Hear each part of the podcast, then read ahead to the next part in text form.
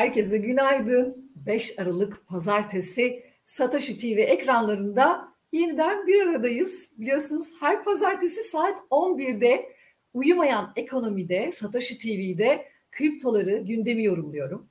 Her çarşambada çok kıymetli konuklarla, e, birbirinden değerli isimlerle hem biraz geleceğe, blockchain teknolojisine, teknolojinin nereye gittiğine ve elbette kripto gündeminde konuşacak şekilde konuklar ağırlıyorum. Dolayısıyla hem pazartesi hem çarşamba haftada iki gün bir aradayız. Ee, sizlerden özellikle biliyorsunuz YouTube kayıtlarının altına kriptolarla ilgili sormak istediğiniz soruları, yorumları bizzat bana yayın esnasında da iletiyorlar. Bundan önceki hafta lütfen bu yayını izleyenler Alpan Manas'la olan çarşamba günkü yayın inanılmaz güzeldi. Müthiş geleceğe dair böyle e, sizlere ipucu olabilecek e, hayal anlamında da bir vizyon katacak yayın olduğunu düşünüyorum. Lütfen e, Uyumayan Ekonomi'nin başlığında Alpan Manas'ta olan geçen hafta çarşamba günkü yayınımızı lütfen izliyor olun. Keza bir önceki haftada yine çok kıymetli bir isimdi. Ufuk Tarhan'dı konuğu.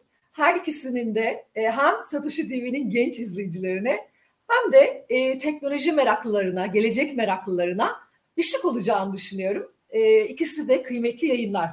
Şimdi dönelim efendim e, gündemimize. Bugün tabii aynı zamanda 5 Aralık Pazartesi günü ama 5 Aralık e, yine e, kadınlara seçme ve seçilme hakkının Ulu Önder Mustafa Kemal Atatürk tarafından e, bizlere verildiği e, bir tarih. Dolayısıyla yine atamızı anmadan bugünkü yayını açmak istemedim. Bunu da sizlere tekrar hatırlatmak istedim. Aydın ve modern bir e, Türk kadını olarak. Şimdi efendim e, kripto gündeminde biliyorsunuz geçen hafta ve özellikle hafta içi ben şimdi Satoshi TV ile beni daha evvelden takip eden kendi izleyicilerim de Satoshi TV'den takip edenler de var.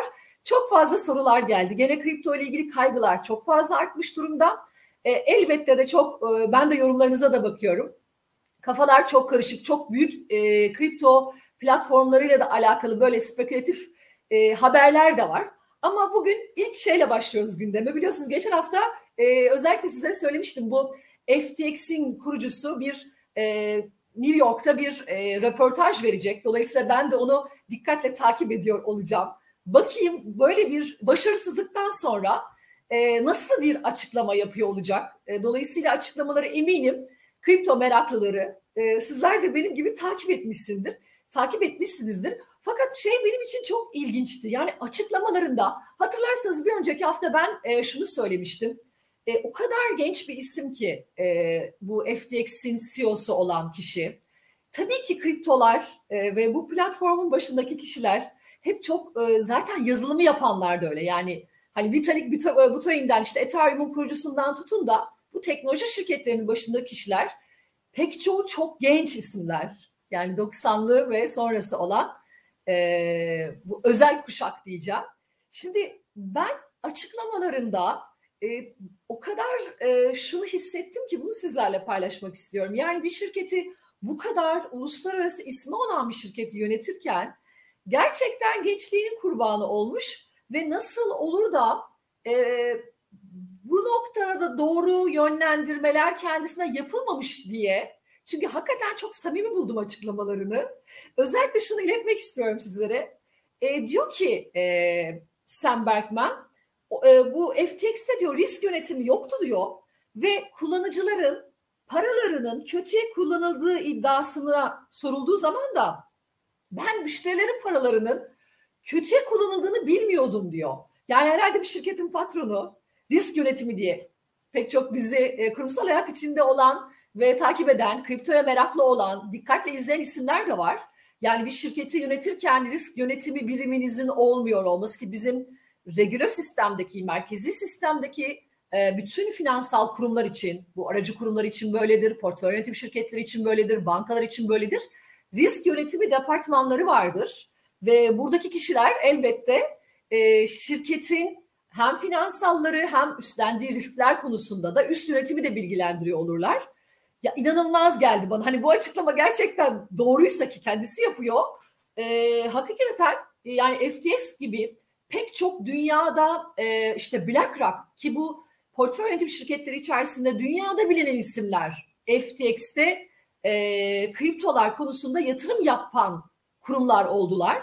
Dolayısıyla hakikaten bu FTX'in e, bu sektörde kapanıyor olması gerçekten e, Bitcoin'e inanan, e, kriptoya inanan yatırımcıların güvenini inanılmaz sarstı.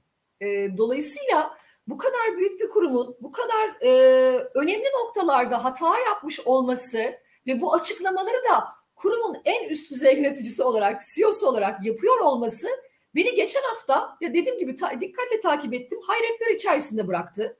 Ee, yani şey de soruluyor. Şu andaki son serveti soruluyor. Tabii 26 milyar dolar şirket değerlemesinden. Ee, geriye 100 bin liram e, 100 bin TL olarak çevirmişler tabii çevirenler ama 100 bin TL kaldı diye bir açıklaması var.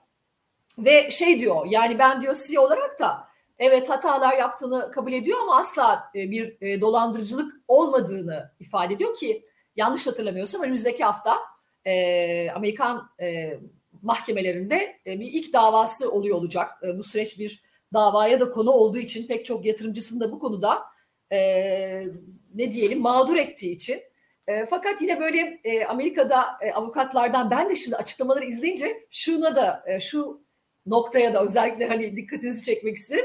Nasıl bu açıklamaları yapmasına aslında Amerika'da çünkü inanılmaz bir hani hem vergilendirme hem de bu hukuki süreç çok ciddi olduğu için bu açıklamaların hem de şu anda bir e, mahkeme süreci de olduğu için FTX açısından kendi avukatları yap, bunu yapmasına nasıl müsaade ettiler?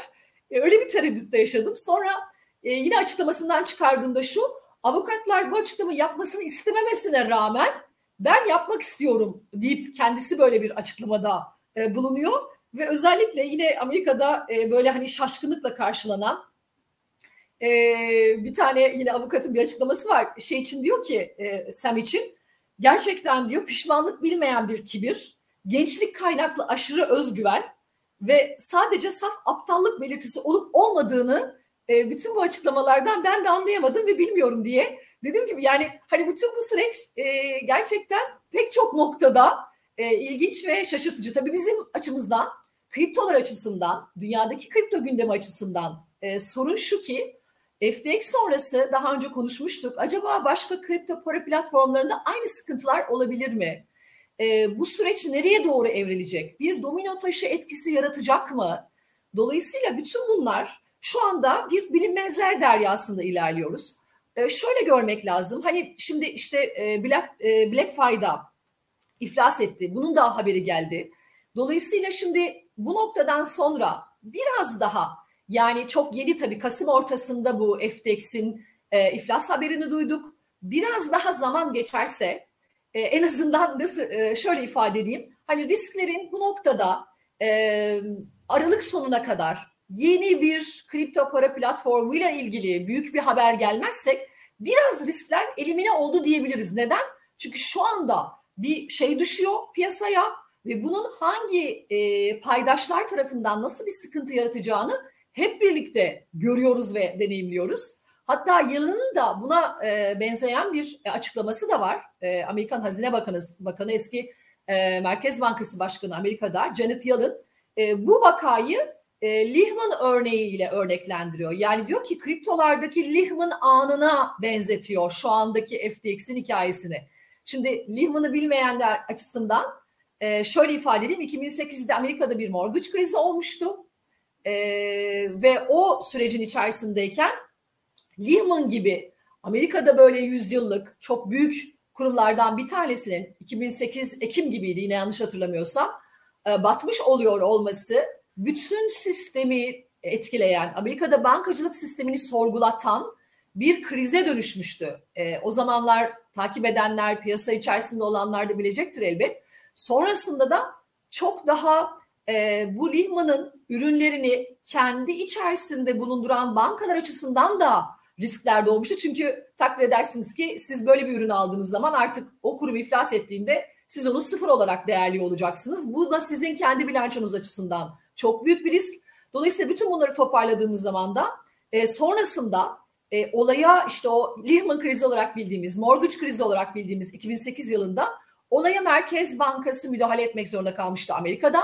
Ne yaptı? Tabii o zaman merkezi bir sistemi konuştuğumuz için elbette ne yaptı Amerikan Merkez Bankası? Hatta o dönem e, ben de Citibank'taydım. E, dünya markalarından bir tanesi elbette ama o süreci birebir o kurumun içerisinde yaşamış bir kişi olarak e, Citibank'ın da Lehman'da ürünleri vardı ve Amerikan hazinesi ve Amerikan Merkez Bankası para koyarak, para enjekte ederek e, diğer sistemin daha büyük bir çöküşe gitmemesi adına e, likidite vererek aslında bu krizi bir şekilde uzaklaştırdı. Diğer kurumlara çok daha fazla sıçramadan. Dolayısıyla Janet Yellen'ın ifade ettiği bu nokta yani FTX'in bir Lehman anı oluyor olması kriptolar açısından buradan sonraki süreçte yatırımcılarını ben tekrar uyarmış olayım.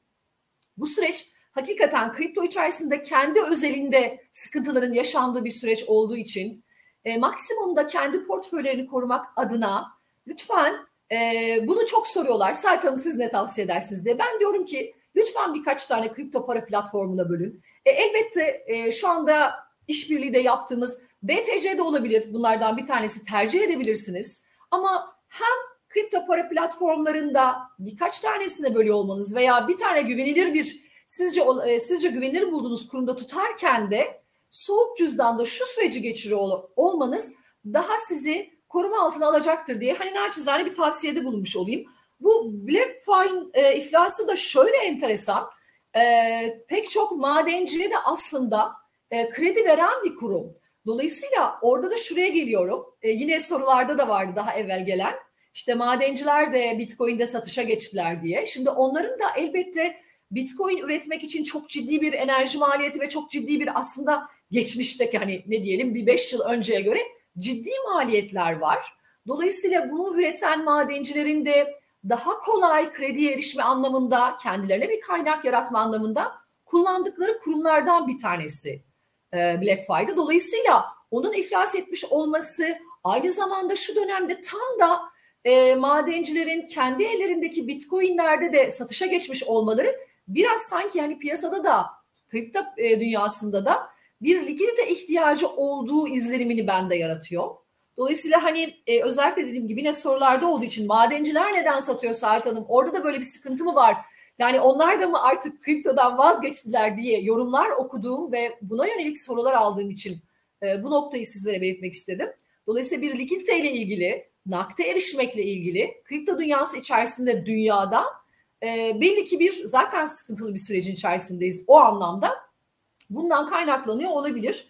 E, bence zaten bu süreçte benim özellikle e, dikkat çekmek istediğim noktada şurası.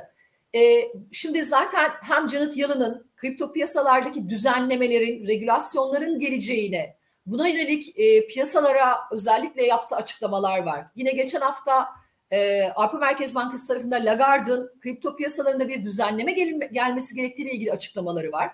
Keza hakikaten bu nokta özellikle kripto para platformunu benim hani yine merkezi sistemden, merkezi ekolden gelen bir kişi olarak e, bu kadar kripto para platformu dünya çapında varken neden bu kripto para platformlarını derecelendiren şirketler yok diye düşünmeden edemedim. İnanın e, dedim ki yani nasıl işte S&P, Moody's, Fitch hem dünyada ülkelere bir e, kredi notu veriyor.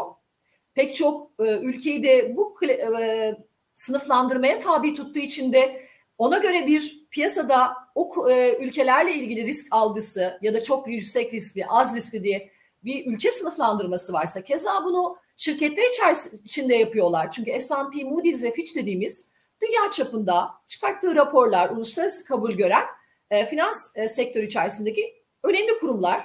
Bu tip bir yapılanma aslında kriptolar içerisinde olsa veya buna e, şöyle söyleyeyim hani genç bir e, dünyada böyle bir e, ihtiyacı fark eden yatırımcı bu konuya el atsa ve hem dünya çapında hem bunu Türkiye içinde yapılabilir.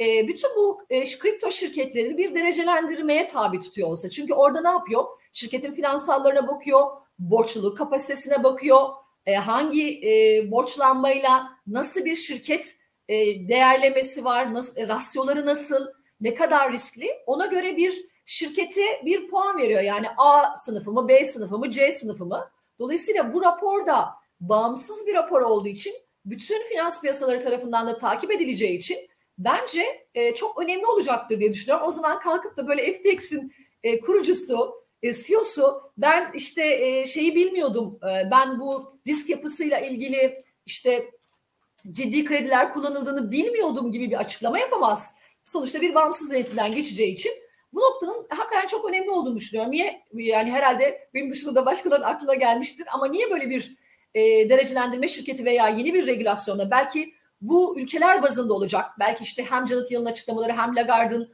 bu konuda hem Amerika'nın hem Avrupa'nın kripto para piyasalarındaki e, düzenlemeleri, düzenleme geleceğiyle ilgili açıklamaları belki bu tip bir açıklama, e, bu tip bir yapılanma da olabilir e, şirketler için ve ülkeler nezdinde de olabilir bu. E, kripto paraları kendi içerisinde en azından belki sınıflandırma gibi olabilir. E, buralar en azından hani kriptoya meraklı olan, geleceğin para birimi olarak e, bir değer atfeden yatırımcıları da koruyacak hususlardır diye düşünüyorum. Dolayısıyla özellikle bu noktaları sizlere iletmek istedim.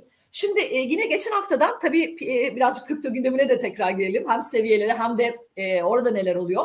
Şimdi kriptonun kendi içerisindeki bu sıkıntıları apayrı ama dünyada makro gelişmelerden elbette etkilendiği için e, kriptolar geçen hafta demiştim ki ben e, Fed'in açıklamaları var. Hatta 5 kitap raporu da var. Dolayısıyla Powell'ın açıklamalarına dikkat kesiliyor olacak piyasa. Buralara birazcık şöyle bir dikkat edelim biz de demiştim. Ki geçen hafta aslında bütün dünya e, piyasalar açısından yani şöyle söyleyeyim kripto harici işte e, altın, gümüş ve genel anlamda borsalar açısından çok sevecek bir sevdiğimiz daha doğrusu bir açıklama yaptı e, Powell. Dedi ki bu e, faiz artırımlarının hızı Aralık itibariyle yavaşlayabilir. Şimdi bu çok önemli çünkü hemen önümüzdeki hafta 14 Aralık'ta Amerikan Merkez Bankası'nın bir faiz toplantısı var.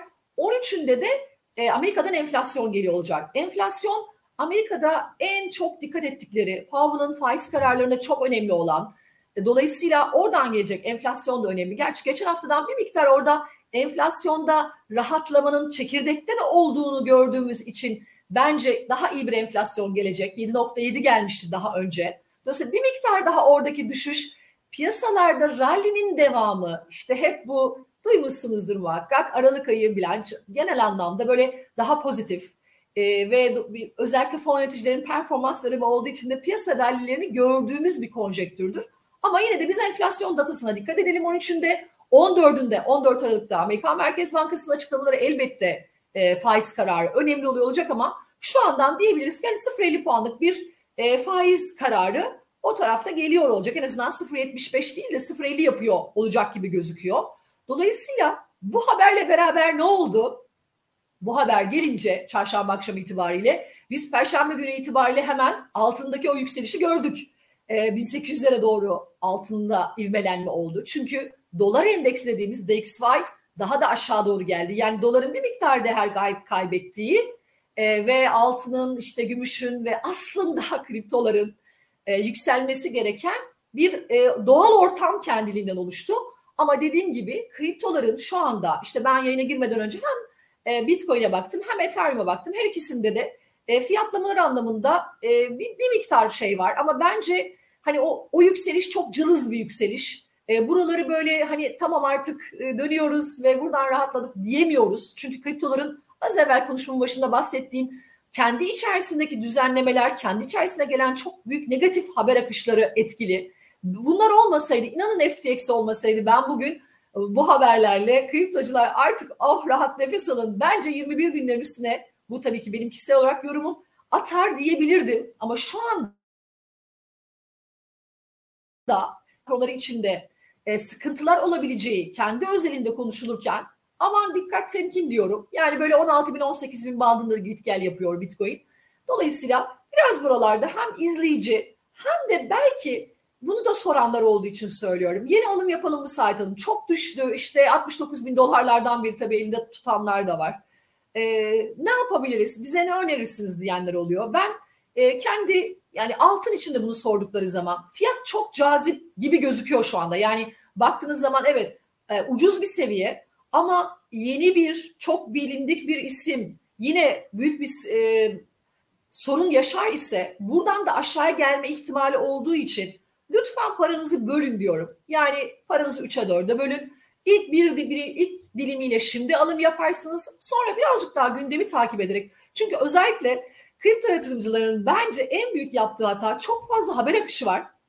Dolayısıyla bu haber akışı hele altcoin'ler için. Yani siz bir altcoin yatırımcısıysanız gerçekten çok ciddi haber akışını, o altcoin ile ilgili gelişmeleri, yazılımla ilgili neler yapıldığını çok hem yöneticisini böyle didik didik etmelisiniz ve takip etmelisiniz. Eğer bunlara hakim değilseniz e, gerçekten de o zaman zarar etmeniz kaçınılmaz. Sakın kulaktan dolma. Bir dönem biliyorsunuz bizim Türk yatırımcısında bir borsa hani hala var ama hani kulaktan dolma böyle tüyo ile hareket edenler hareket edenler vardı. Pek çok kişi bu finansal okuryazarlık anlamında ben hep yayınlarımda da e, bilgilendirmeye gayret ettim. Bu noktada da lütfen altcoin'ler için özellikle uyarımı yapayım. E, ne aldığınıza dikkat ediyor. E, ve lütfen o yazılımın neler içerdiğine dikkat ediyor olun. Şimdi bu hafta biraz böyle e, uyarı uyarı gibi gittik. E, özellikle var mı bilmiyorum sorularda.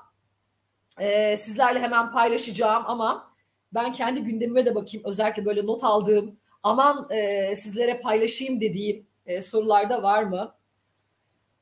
E, sorular varsa soruları alırım. Yoksa evet gelmiş. Amerika devletinin e, son yaşanan borsa olayına karşı tutumu nasıl olacak? Alınacak alınmayacak aksiyonlar potansiyel kripto para yatırımcılarını nasıl etkiler demişler. E, herhalde o ilk yayının başındayken birazcık anlattım ama e, belli ki regülasyonlar geliyor olacak. Yani kripto para platformu özellikle ben e, şunu ifade edeyim. Herkesin yani bir sermaye yeterliliğine ihtiyaç olmadan herkes kripto para şirketi kurmamalı. İnanabiliyor musunuz? Yani bugün Türkiye'de bir limited veya bir AŞ kurmak için yani bir şirket kurabilmeniz için belli kriterler vardır değil mi? Yani sermayenizin belli bir rakamda olması lazım. İşte şirketinizin hangi konuda e, çalışmalar yapacağı ile ilgili kriterler var. Şirket kurulma kriterleri. Fakat kripto para platformları o kadar böyle derya deniz pek çok insanın yatırım yaptığı bir ortam olmasına rağmen ben de beni de hayretlere düşüren nokta yani ben de saadet olarak bir saadet kripto para platformu kurabilirim. Ya bu iş bu kadar kolay olmamalı. İnsanlar buraya para koyuyorlar. E, dolayısıyla da regülasyonların ben kripto para yani kripto paraları aracılık edecek olan kurumlara geleceğini, onların bir sermaye yeterliliği kriterinin geleceğini size şöyle örnek vereyim. Yani sizin bir banka kurmanız için 100 milyon üstünde sermayeniz olması gerekiyorsa e bir kripto para platformu için de muhakkak bir sermaye yeterliliği. İki, siz ve bu FTX'te gördük. Kendi token'ınızı çıkarıyorsunuz. Çıkarttığınız token'la gidip tekrar onu böyle kaldıraçla kredilendiriyorsunuz. Token'ınızın e, değeri düştüğünde zaten yani krediye verdiğiniz ipotek de boşa çıktığı için külliyen zarar ediyorsunuz. Bu işlerde de bence kriptoya aracılık eden kurumların hem token çıkartması hem e, kredilendirilmeleri, kendi borçlulukları ve kendi sermayelerine göre bir bir e, kredi alabilme limitlerinin de bence düzenlemeye tabi olması lazım. Keza biliyorsunuz Türkiye'de e, TODEX'ten sonra pek çok e, kripto para platformu da aslında hani rahatsız edecek. E, bu işi gerçekten düzgün olması gerektiği gibi yapan platformlar açısından da e, geçen sene bizler Türk yatırımcıları bunu yaşadık. E, çok da konuşuldu. Aracı kurumlar belki önümüzdeki dönem. Buna yönelik ben e, daha evvel bir e, seminerdeydim. Orada da bu konuşuldu. E, kripto paralarla alakalı e, muhtemelen bir e, aracı kurum e, bünyesinde kripto para platformları yapılandırılabilir. Buna yönelik e, Türkiye'de de e, hem Merkez Bankası'nın e, hem de hazinenin bu yönde çalışmaları olduğunu biliyorum. Türkiye'de de düzenlemeler gelecek. Ama bu e, şöyle görülmesin. Ya biz bunu işte o zaman ben Bitcoin alamayacak mıyım, Ethereum alamayacak mıyım gibi bir e, yapıya gitmeyecek. Sadece sistemin kendi içerisindeki düzenlemeleriyle yatırımcıyı koruyacak hale getirilmesi gerekiyor. Yoksa tamamen yasaklanacak işte alım satımı engellenecek gibi şeyler hiç böyle bir şey beklemiyorum. Yani onu ifade etmiş olayım. Ee, sen başka sorularda kripto para dünyasına gelecek kişilerin varlıklarını nasıl dağıtmasını önerirsiniz? Bitcoin, altcoin, shitcoin dağılımı nasıl olmalı? Hmm. Şimdi orada şöyle bir şey söyleyeyim. Bu tamamen sizin kendi risk yapınıza göre dostlar. Yani bu soruya şöyle bir e, cevap cevabım olmuş olsun. Bir kere zaten ana akümüle olan yani Bitcoin giderken, Ethereum giderken e, ana akümüle zaten kripto Bitcoin. Dolayısıyla Bitcoin'e göre diğer altcoin'ler aslında şekilleniyor. Ha şu var Bitcoin bir gidiyorsa altcoin'in kendi özelindeki haber akışı veya onunla alakalı bir başka gündem e, elbette daha fazla yükselmesine veya daha fazla düşmesine sebebiyet verebiliyor. Ama siz çok risk sever ve paranızı da gerçekten belli bir potansiyelde bölerek e, bir portföy çeşitlendirmesi yaparak eğer kriptolara da yatırım yapmışsanız ben orada derim ki hani Bitcoin gibi, Ethereum gibi e, ana akümüle e, daha muhafazakar taraftaysanız onun ağırlığını birazcık daha fazla arttırın bu kriptoların. Altcoin'lerde de çok belli başlı bildiğiniz altcoin'lere, takip ettiğiniz altcoin'lere o da böyle bence 10 tane falan değil yani 3 tanedir, 4 tanedir. Bunu ben biraz hisse senedi mantığı gibi düşünüyorum. Hisse senedinde de gider e, yatırımcılar böyle 10 tane hisseye böler. Her birini takip edebiliyor musunuz? Hangi sektörlerde olduğunu biliyor musunuz? Daha böyle hani e, önümüzdeki dönem geleceğin teknolojisi olabilecek. Dolayısıyla da blockchain'i oralarda kullanan kriptolar bence o anlamda önemli diye düşünüyorum. Yani siz biraz daha riskli, yani kriptoya girdiyseniz riski seviyorsunuzdur ama en azından muhafazakar ve birazcık daha riskliyseniz, riski seviyorsanız e, Bitcoin Ethereum ağırlığını arttırabilirsiniz. O sizin için yüzde kırktır. Yüzde kırka işte ya da şöyle söyleyeyim yüzde elliye yüzde ellidir altcoin ve e, Bitcoin Ethereum sepetinizin ağırlığı. Ama siz çok yüksek riskli. Ben bu işte gerçekten e, çok iyi takip ediyorum. Gelecek görüyorum. Dolayısıyla da altcoin'lerde konusunda da bilgim var diyorsunuzdur. Altcoin'inizin ağırlığını arttırırsınız. O tamamen sizin buraya ne kadar para koydunuz, ne kadar risk sever bir yapıda olduğunuza göre değişir diye düşünüyorum. Eee genel geleneksel finans piyasalarını etkiler mi? Ha kripto para dünyasındaki bu sıkıntılar geleneksel piyasaları etkiler mi diye soranlar var. E, kripto para dünyasında yaşanan borsa iflas olaylarının uzun vadeli sektör olumlu yansımasını bekliyor musunuz? Devletler sürekli piyasanın regüle edilmesi gerektiğinden bahsediyor oldu. Siz bu konuda ne düşünüyorsunuz Sait Hanım? E, şimdi bakın e, daha evvel e, bunlarla ilgili yani genel anlamda bu üç soruyu şöyle birleştireyim. Şimdi bir kere kripto dünyasındaki, kripto para borsalarındaki bütün bu e, sıkıntılar bence buradan sonra daha sağlam bir adım atılması adına doğru bir yani bütün bu sıkıntıları sektör kendi içinde yaşıyor ki buradan sonra gelecek olan belki yeni düzenlemelerle aslında yatırımcıları da şimdi ben bilemem ki ben FTX'te e, dünyada işte bir e, kripto para platformu büyük e, BlackRock gibi çok önemli bir varlık yönetim şirketi burada yatırım yapıyor yatırımcılarına öneriyor. E, dolayısıyla tabii ki ben bireysel bir yatırımcı olarak bu kadar bilgi e, bilgi haizde olmadığı için yani herhangi bir dünyadaki yatırımcıdan bahsedelim. Dolayısıyla e, bir güven konusunda büyük bir sıkıntı var. Bu düzenlemeler bence e, buradan sonraki süreçte kriptoların daha sağlıklı ilerlemesine sebebiyet verecek. Sadece şöyle demiştim geçen haftaki yayında. O kadar dalgalı bir e, şeydeyiz ki, e, ortamdayız ki kendi özelindeki bu sıkıntıları e, yaşarken sizler kendinizi korumak adına ve kriptoların geleceği adına. Yani ben şuna çok inanıyorum geleceğin elbette ki parası kriptolar. Ya ben bunu hiç tartışmaya bile hatta benim başlıklarım içerisinde vardı. E, çünkü bu soru da çok geliyor. Zaten kripto paralar sıfırlanıyor mu? Çok büyük bir kripto para platformu daha batacakmış. Dolayısıyla kripto paralar sıfırlanacakmış gibi açıklamalar da var. Bakın ben bunu Bitcoin, Ethereum gibi ana akümüle için kesinlikle düşünmüyorum. Altcoin'lerde neye yatırım yaptığınıza dikkat edin diyorum. Altcoin'lerin e, hangisi sizin elinizde var? Onun için hep altcoin'ler konusunda zaten kendi izleyicimi uyardım. Ama şuna da inanıyorum. 2023'te bütün bu pandemi süreciyle olan sürecin artık e, daha nihai bir yılı olduğu için şimdi ve çok da fazla hem Amerika'da hem de Avrupa'da bu konuda e, bu konuda özellikle dijital paralarla ilgili çalışmalar olduğu için sanki ben bunu tamamen kendi kişisel yorum olarak alında istiyorum. Dijital paraların daha ön plana çıkarıldığı, biraz sanki kripto yatırımcıların da böyle Aa, evet artık sektör bitiyor, sıfırlanıyor gibi korkutulduğu bir konjektürdeyiz. E, dolayısıyla yani e, muhakkak önümüzdeki dönemde dijital paralar, paralar yani fiziksel olarak paraya dokunmayacağız. Dolayısıyla dijital dolar, dijital euro, e, dijital İsviçre frangı, Bunlar zaten önümüzdeki dönemde birkaç yıl içerisinde çok kısa bir zaman içerisinde önümüze geliyor olacak. Ama bu demek değil ki kripto paralar sıfırlanacak. Elbette hem metaverse dünyası içerisinde kullanılan e, dolayısıyla bütün bu aslında önce para olarak sisteme girdiğimiz sonrasında da başka bir dünyaya açıldığımız böyle bir dönemde ben hani kriptolar konusunda e, yatırımcıların biliyorum en zor olanı sabır etmek, e, yıllardır sektör içerisindeyim, piyasacıyım. Daha önce e, işte Citibank'ta ve daha önce kurumda hazinede de çalıştım.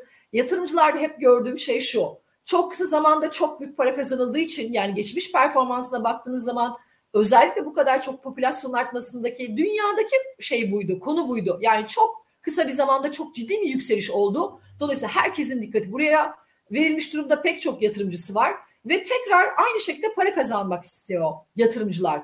Bir tarafım hak veriyor ama bir tarafım da diyor ki sabreden her zaman e, bu işte karlı çıkacaktır. Çok zor bir süreçteyiz. Şu anda kripto para yatırımı olanlar, belki zararda olanlar. Hani bu süreçte size şöyle bir örnek vereyim. E, bu e, konuşmamda şeyden bahsetmiştim. Janet Yellen bunu Lehman anına benzetiyor diyor. O dönem ben Citibank'tayım. Dünyada bir büyük kurum. Dolayısıyla Citibank'ın e, o dönemde hisse senedinin değeri şöyle söyleyeyim size 40'larda yani dünya devi bir markadan bahsediyoruz.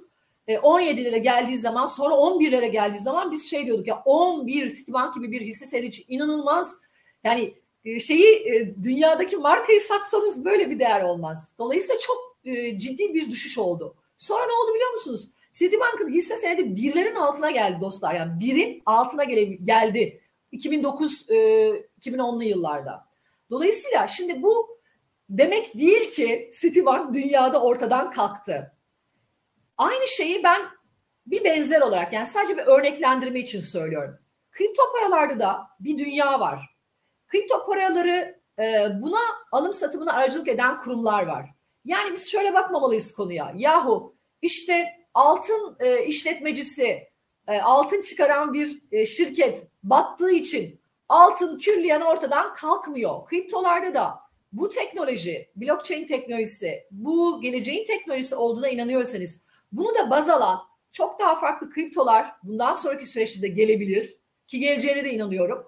Dolayısıyla burada bir e, tamamen sistemin kendi içerisinde değiştiği bir dönemin olduğunu düşündüğüm için bu böyle e, verdiğim örneklerden en azından birazcık daha anlamlandırmaya çalışıyorum. E, ben böyle görüyorum hikayeyi, böyle okuyorum. Dolayısıyla önümüzdeki dönem elbette olacaktır. Ama bu bizim atfettiğimiz değer. Yani Saat Hanım işte ben de okuyorum, okuyordum raporlarda. Şurada 2021 yılında, 2020'de e, 300 bin dolar olacak gibi raporlar okudum ben. Yurt dışı raporlarda da bunlar geçiyordu. Dolayısıyla yani e, burada bizim o atfettiğimiz değer, evet arzı sınırlı olan bir yapıdan bahsediyoruz. Ama bu bizlerin atfettiği bir değer. Anlatabiliyor muyum? Ve bütün bu sürecin içerisinde farklı farklı regülasyonlarla bizler burada ne görüyoruz? Buna yatırım yapanlar nasıl görüyorlar hikayeyi, nasıl okuyorlar? E, dolayısıyla ben hep şöyle baktım. E, kurumsalların işin içerisinde olduğu, kurumsal yatırımcıların da kriptoları kendi portföylerine tuttuğu bir 2021 yılı gördük. Bu bana kripto açısından daha çok güven veren bir unsurdur. Çünkü onların da kendi içerisinde belli regülasyonları var. O yatırımları oralara o kadar kolay kurumsal yatırımcılar angaje etmezler, ayırmazlar. O anlamda ben e, bunu böyle bir geleceğin sonu olarak görmüyorum. E, bahs bir de şöyle bir soru vardı. Son olarak da onu cevaplandırmış olayım. Kriptolardaki çöküş diğer piyasaları etkiler mi? E, çok iki tane apayrı düzenden bahsediyoruz. Dolayısıyla yani bir e, zaten hani sermaye piyasaları yani Türkiye'de en azından öyle söyleyeyim e, o kadar apayrı yapı ki birbirleri içerisinde bir e, bir kurumun yani bir aracı kurum, bir banka zaten hani kripto yatırımını alıp da kendi portföyünde tutmadığı için kriptolarda olası bir sıkıntı, e, buralarda yaşanacak bir risk, e, diğer sistemi yani bankacılık sektörünü veya bir aracı kurumları vesaireyi veya bir portföy yönetim şirketini etkilemez. Çünkü çok ayrı iki yapıdan bahsediyoruz. Zaten şu anda konuşulan, Türkiye'de de işte bir e, devlet yönetimi tarafında da konuşulan, biz bunu birazcık daha hani ne, ne, e, şöyle ifade edeyim, birazcık daha sanki merkezileştirelim. Yani biraz daha belki aracı kurumlar içerisinde belki yatırım yapanlar olabilir. Daha evvel Forex platformları vardı. Özellikle 2014 öncesinde çok ciddiydi. Bu e, Forex'te de eminim aranızda e, para kaybedenler olmuştur. Onu da böyle gücüm yettiğince hep yatırımcılara anlatmaya çalıştım. Oradaki risklerin neler olduğundan bahsetmeye çalıştım. Sonra biliyorsunuz çok ciddi düzenlemeler geldi. Yani çok ayrı bir şeyden bahsediyorum Forex'le ama yani etkilemez sorunuzun cevabı bu olsun. Direkt bir kripto para platformu Türkiye'de herhangi bir sıkıntı yaşandığı zaman diğer geleneksel piyasaları etkilemez. Ee, bu dünyada olursa yani çok büyük bir kripto para platformu e, yani FTX gibi gene buna benzeyen bir sıkıntı yaşayacağını e, görüyor isek tabii ki Bitcoin gibi, Ethereum gibi çok daha yani şu anda piyasada ana akümüle olan kriptolar açısından o güven kaybını daha da negatif etkiler. Belki elinde olanlar e, panikle satışa da geçebilir. O da fiyatta bir işte yine sizler belki duydunuz, belki okudunuz. İşte 10 bin dolarlarda konuşuluyor. Şimdi hep şunu söylüyorum. Bakın bir şeye verdiğimiz değer o andaki e, panikle fiyatların oraları görmesi işte hep bu ihtimallerden dolayı ben zaten buralar çok iyi Sait Hanım ben buradan yatırım yapmak istiyorum diyenlere uyarım onun için yaptım. Çünkü şu süreç özellikle FTX'te başlayan bu süreçte dünyada gelişmeleri takip edilmesi gerekiyor.